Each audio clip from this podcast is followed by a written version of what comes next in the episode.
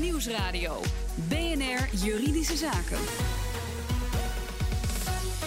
Paul van Liemt. Aandeelhouders van Ahold Delhaize voelen zich misleid nu ze door de Raad van Bestuur en de commissarissen buitenspel zijn gezet. Ze mogen niet mee beslissen over het wel of niet verlengen van de beschermconstructie die het concern heeft. Collega Nelleke van der Heijden, hoe zit het met die beschermingsconstructie? Nou, op die manier wil Ahold Delhaize ongewenste kopers weren en voorkomen dat het bedrijf wordt opgesplitst. Die constructie die was er eigenlijk al wel, maar in december moet er worden besloten of die wordt verlengd. En de aandeelhouders die dachten dat ze daarover mochten meepraten, maar de Raad van Bestuur zegt nu nee hoor, dat besluiten wij onder toezicht van de commissarissen.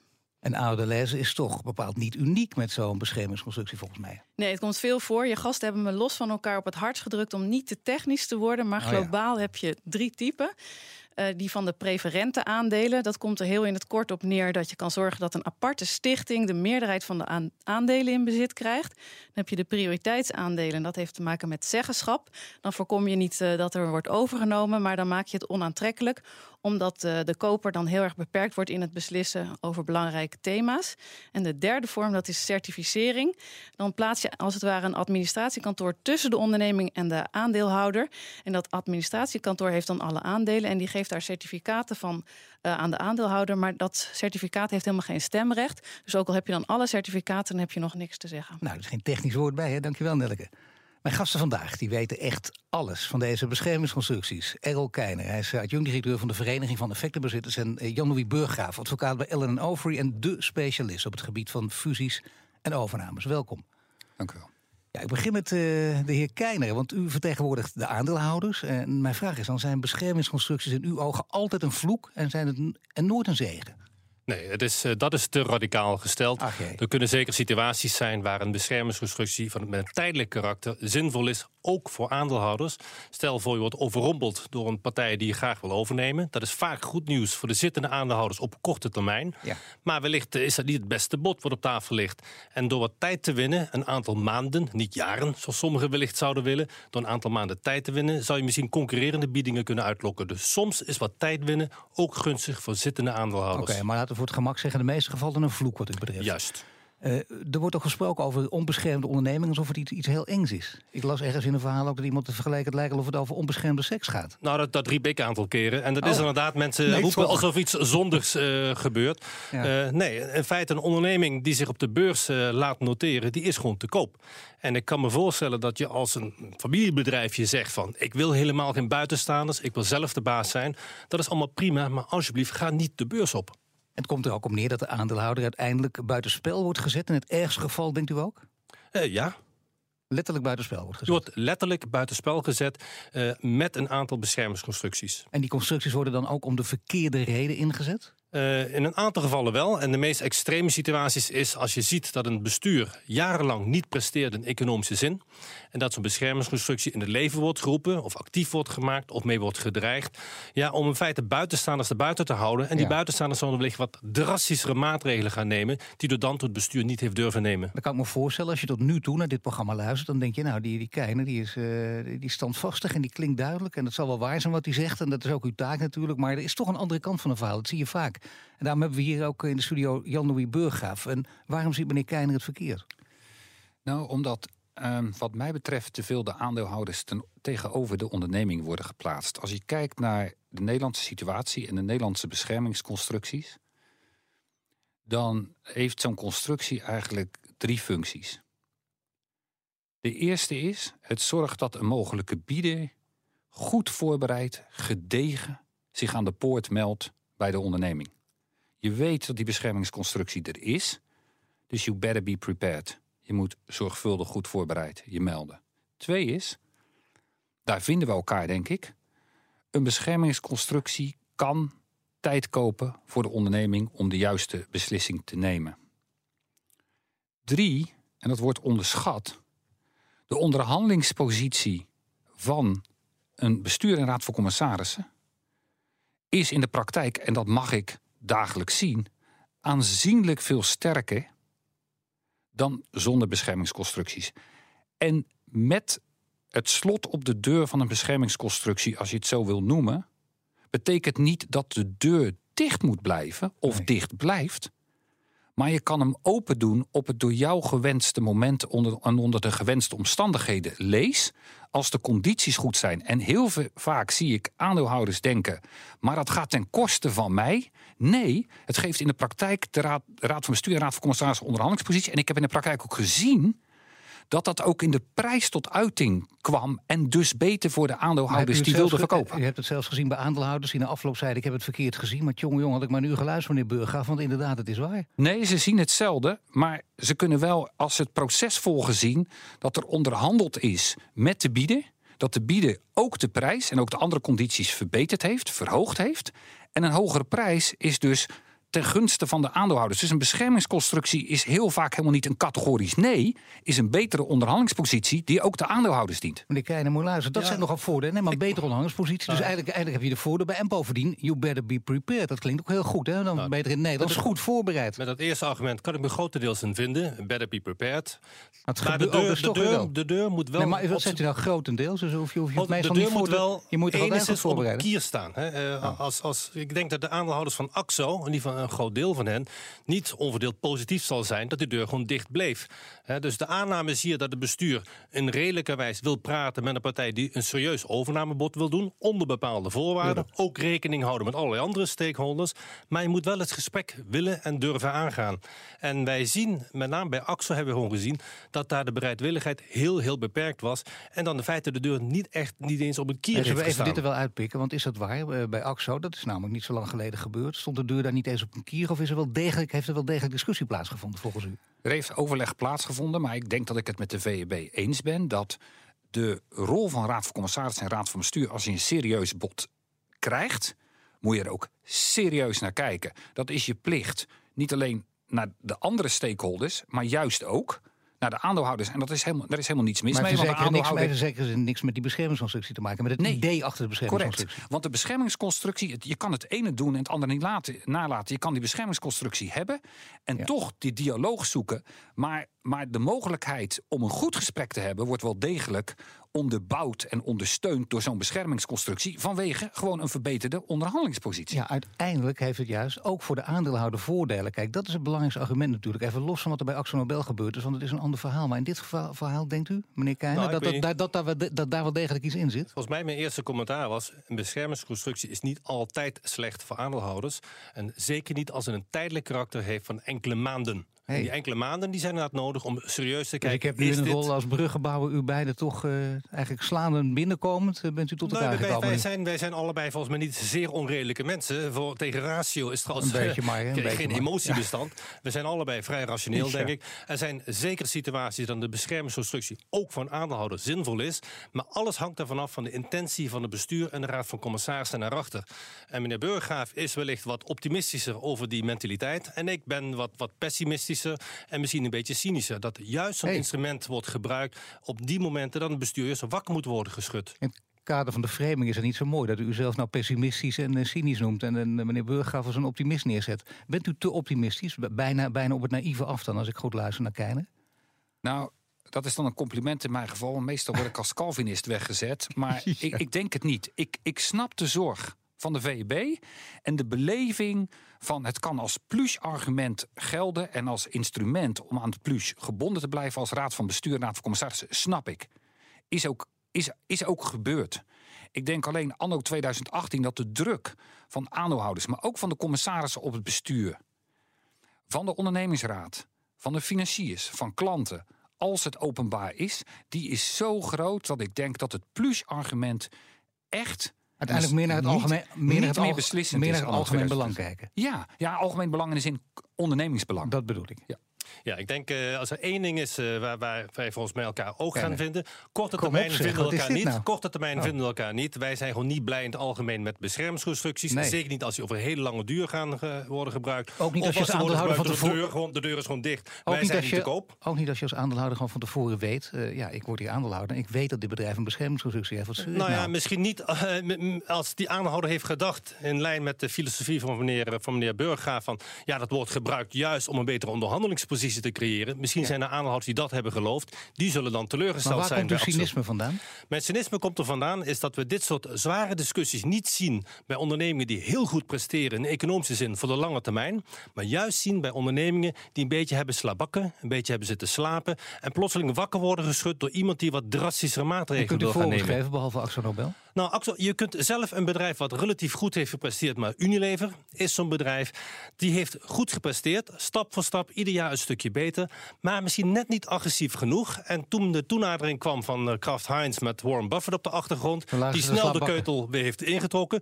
Plotseling werd de strategie behoorlijk aangescherpt. Misschien tegen wil en zin. Maar ja, dit hou je niet meer door. Je zult toch wat radicaler moeten zijn. Je targets net wat agressiever gaan stellen. Dus zelfs bij een onderneming die goed wordt geleid... die redelijk tot goede prestaties heeft geleverd... ook voor aandeelhouders... zelfs die kunnen een beetje in slaap worden gesust. Mooi woord trouwens, meneer Keijner, slaapbakken. Maar dat, even tussen, eh, dat, dat doet er even verder niet toe. Het gaat erom dat eh, zelfs Unilever ook uiteindelijk eh, in slaap is gesust. Of niet, meneer Burghaaf? Nou, ik dat is geen goed voorbeeld. Nou, hij zegt, daar komt mijn cynisme ja, juist vandaan. Ik, ja, ik denk niet in slaapgesust. Daar zijn de mensen te professioneel voor. Ik zie wel dat daar waar bij bedrijven een toenadering is geweest... er een versnelling, een accentuering, een rationalisering plaatsvindt. Les dus voor alle bestuurders en commissarissen in Nederland. Je moet dat initiatief van wat doe ik, moet ik het blijven doen, doe ik het goed... met je raad van bestuur bijna elke zes maanden voeren. Anders wordt hij voor je gevoerd. En overigens, als je hem niet zelf voert en hij wordt voor je gevoerd, vind ik dat terecht. Het hoort bij je taak om na te denken hoe je die onderneming optimaal kan positioneren. Waar we misschien verschillen is, optimaal positioneren betekent voor mij niet alleen voor de aandeelhouders. Het is het totale palet van alle stakeholders. Ja. Ook de aandeelhouders. Dat blijft het zwakke punt bij u natuurlijk, meneer Keijner. En logisch ook gezien uw positie, maar alleen maar opkomen voor de aandeelhouders. En de Nee. anderen doen er niet toe. Dat, dat zij een aandeelhouder die, die, die zal geen profijt hebben, zal geen winst, ook niet op de lange termijn hebben. Als op een gegeven moment het personeel huilend wegloopt, Nee. eh, hun werk niet goed gaat doen, als klanten kwaad weglopen, enzovoort, enzovoort. Dus een aandeelhouder, zeker die is gericht op een lange termijn waardecreatie, lange termijn rendementen, die is daarbij gebaat dat zo'n bestuur de belangen goed afweegt. BNR Nieuwsradio. BNR Juridische Zaken. Levert een beschermingsconstructie nu vooral een betere onderhandelingspositie op... of verbloemt die hoe het echt met de onderneming gaat? Mijn gasten zijn verdeeld.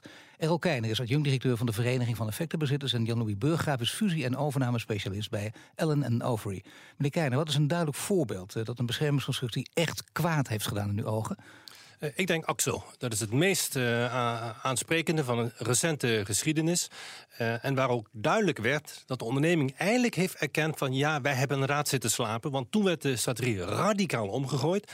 En zelfs op een manier waarvan ik denk, het zou best kunnen als ze in een groter geheel waren opgenomen door PPG, dat het veel minder radicaal was geweest. Bijvoorbeeld voor de werknemers, die zouden moeten worden beschermd. Juist nu wordt op een hele radicale manier worden ook financiële beslissingen genomen, wordt een superdividend uitgekeerd naar aandeelhouders waar ze niet om hadden gevraagd. In plaats van jaren geleden al te eh, agressiever te zijn door efficiënter te gaan werken of samenwerkingen te gaan zoeken met, met andere Ja, partners. dus hier heeft de beschermingsconstructie, kun je het zelf zo scherp zeggen... meneer Burggraaf, eh averechts gewerkt?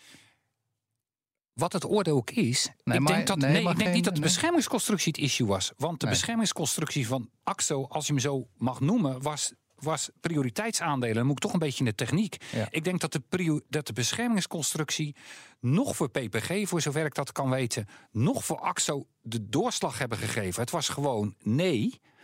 En PPG heeft uiteindelijk ten einde raad na drie voorstellen gezegd: ik ga naar huis. En ik denk dat je met de VEB wel kan concluderen dat de onderneming een aantal stappen heeft gedaan. Nadien, na die aankondiging, die ze daarvoor niet had aangekondigd. Dus ergens is er een beweging gecreëerd die niet op eigen initiatief eh, tot stand was gekomen. Ja, maar de beschermingsconstructie van AXO heeft in de uitkomst daarvan, wat mij betreft, niet zoveel eh, te maken. En niet, die is niet zo relevant geweest in die context. Ik denk als die beschermingsconstructie er niet was geweest, hadden aandeelhouders al lang een, eh, bijzondere vergadering georganiseerd met stemmingen erbij, waar in feite het bestuur was weggestuurd, commissarissen waren weggestuurd, of een, voor, voor een bod was, was gestemd. En die mogelijkheid is hen gewoon niet gegeven. Alleen de dreiging van de bescherming is voldoende. Nou ja. De deur was gewoon dicht. Ja. Nee, ik, de- ze zijn naar de rechter geweest. Ze zijn naar de rechter gegaan. En de rechter heeft gezegd: ontslag, in dit geval van een president-commissaris, raakt de strategie. Daar gaat u nu over. Dus Die hele beschermingsconstructie is in die discussie speelde op de achtergrond, maar is in mijn beleving helemaal niet beslissend geweest. De aandeelhouders hadden een vergadering bijeen kunnen roepen wat ze hadden gewild. De rechter heeft gezegd: u aandeelhouders gaat niet over de vervanging van die mensen. Ben ik het daarmee eens? Weet ik niet. Kan je daarover discussiëren? Ja. Maar in de uitkomst van de AXO-zaak is de bescherming van AXO, denk ik, niet doorslaggevend geweest. In andere situaties zeker. Dat denk ik wel. Ja, zeker. Maar hier niet. Ik, ik denk het al, maar nog, dit, dit is misschien uh, technisch-juridisch, maar je had in ieder geval zonder die dreiging van die bescherming, had je als aandeelhouder veel meer, uh, minder moeite gehad om druk te zetten op bestuur en commissarissen.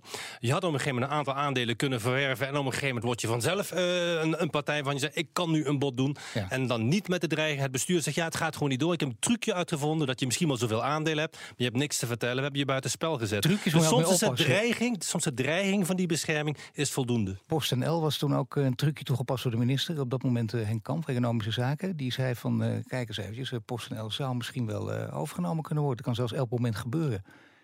Kun je dan van valspelen spreken? Valspelen, ja, van valspelen kan je spreken als je de spelregels ten tijde van het spel verandert. Maar ik denk dat dat niet gebeurd is, ook bij PostNL niet. Je kan vraagtekens hebben over de politieke invloed en inmenging.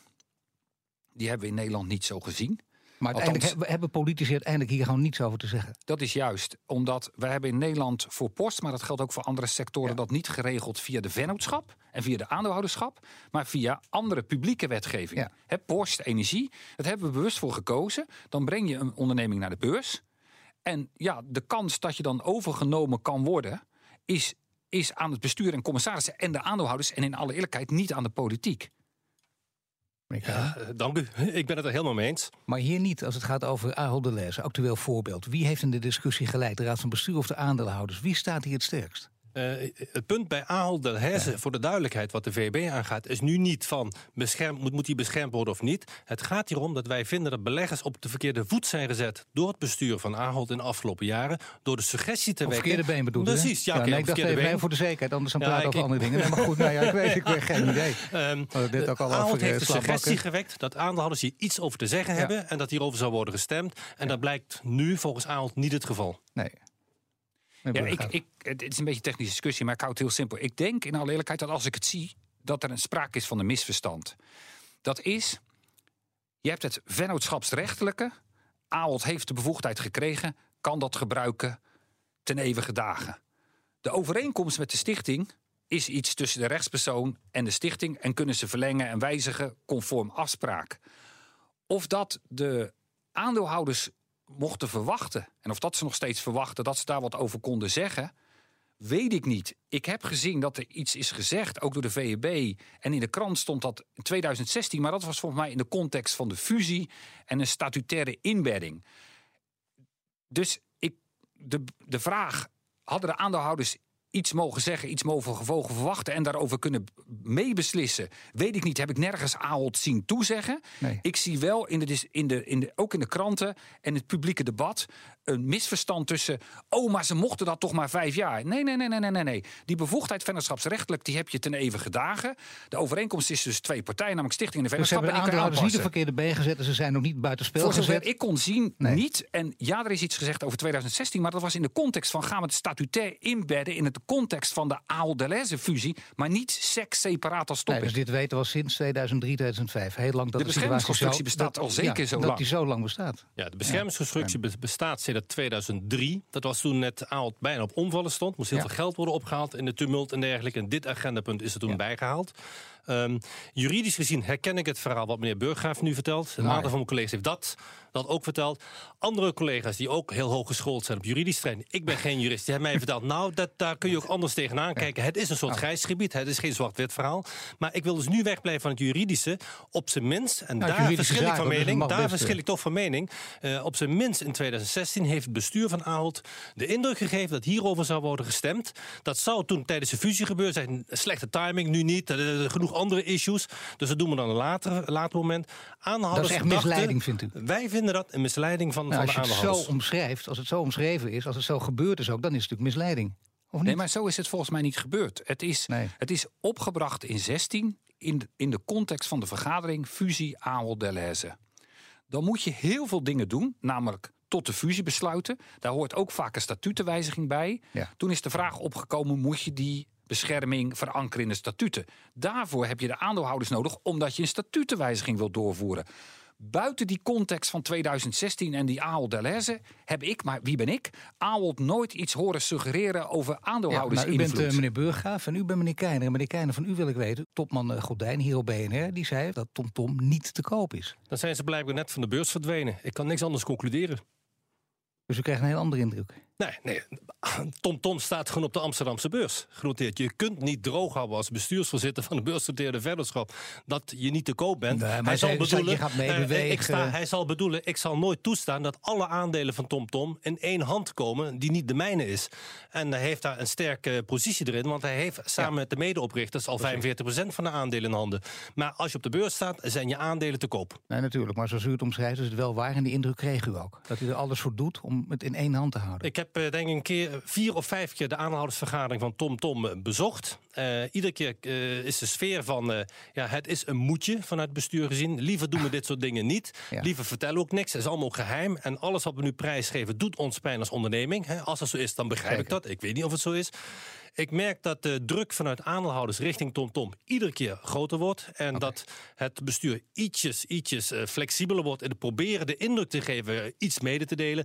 Echter, dat vindt slechts in zeer beperkte mate plaats. En de beleggers zijn terecht ongeduldig. Ik dank u, Errol Keijner. Hij is adjunct-directeur van de Vereniging van Effectenbezitters... en Jan-Louis Burggraaf, fusie- en overnamespecialist bij Ellen Overy. BNR Nieuwsradio. BNR Juridische Zaken. Even de laatste roddels bespreken via Slack. Die zie je opeens dat je werkgever van Slack mee mag lezen. Mag dat echt? Verslag is van Nelke van der Heijden.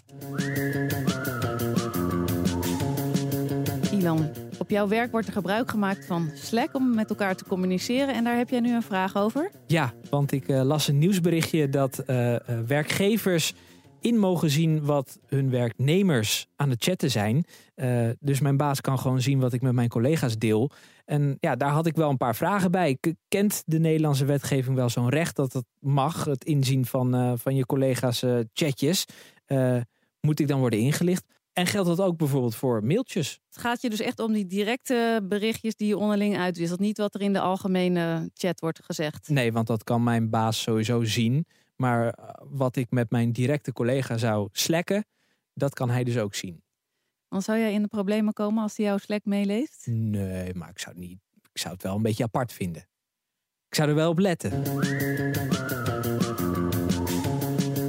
Sylvia van Schaik van bureau Brandijs. Slack heeft nu werkgevers dus inzage gegeven in de privéchats van eh, werknemers. Mag de werkgever ook inderdaad zomaar meelezen? Nee, dat mag niet zomaar. Eh, de werkgever mag wel tot op zekere hoogte eh, monitoren hoe je de middelen die de werkgever eh, je ter beschikking stelt gebruikt. Maar de werknemer heeft ook een redelijk belang en een redelijk te respecteren belang bij privacy. En wanneer eh, weegt dat niet zwaar genoeg? Nou, over het algemeen moet de eh, werkgever een afweging maken tussen zijn belang bij het monitoren en het belang van de eh, werknemer. En dat betekent eigenlijk vooral dat de werkgever een goede reden moet hebben waarom hij wil monitoren.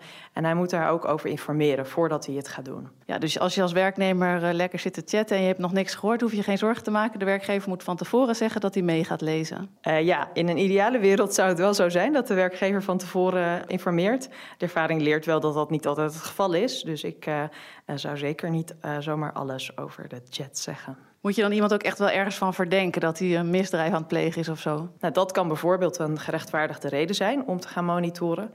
Kunnen ook andere gerechtvaardigde redenen zijn, zoals bijvoorbeeld in het algemeen als onderdeel van het beveiligingsbeleid mag je best wel door middel van steekproeven bepaalde conversaties monitoren, maar nooit alles onbeperkt. En nou voelt het als je aan het chatten bent wat privéer dan mail, maar werkt het toch ongeveer hetzelfde? Het meelezen met mail of het meelezen met chats? Ja, voor mails gelden eigenlijk eh, vergelijkbare regels. Ik denk wel dat bij een chat inderdaad het gevoel van privacy eh, groter kan zijn. Maar omdat het hier om een zakelijke chat-app gaat, denk ik dat eh, vergelijkbare regels gelden. En ja, dus ook voor e-mail geldt dat de werkgever dat wel mag monitoren, maar alleen maar als er eh, van tevoren een beleid voor is gemaakt en als het proportioneel is. En dat zegt advocaat Sylvia van Schaik in een verslag van Nelke van der Heijden. Heeft u ook een juridische vraag? Mail hem naar juridischezaken.bnr.nl. Dit was de uitzending voor vandaag. U kunt de show terugluisteren via bnr.nl slash juridische zaken. Mijn naam is Paul van Diemt. Tot de volgende zitting.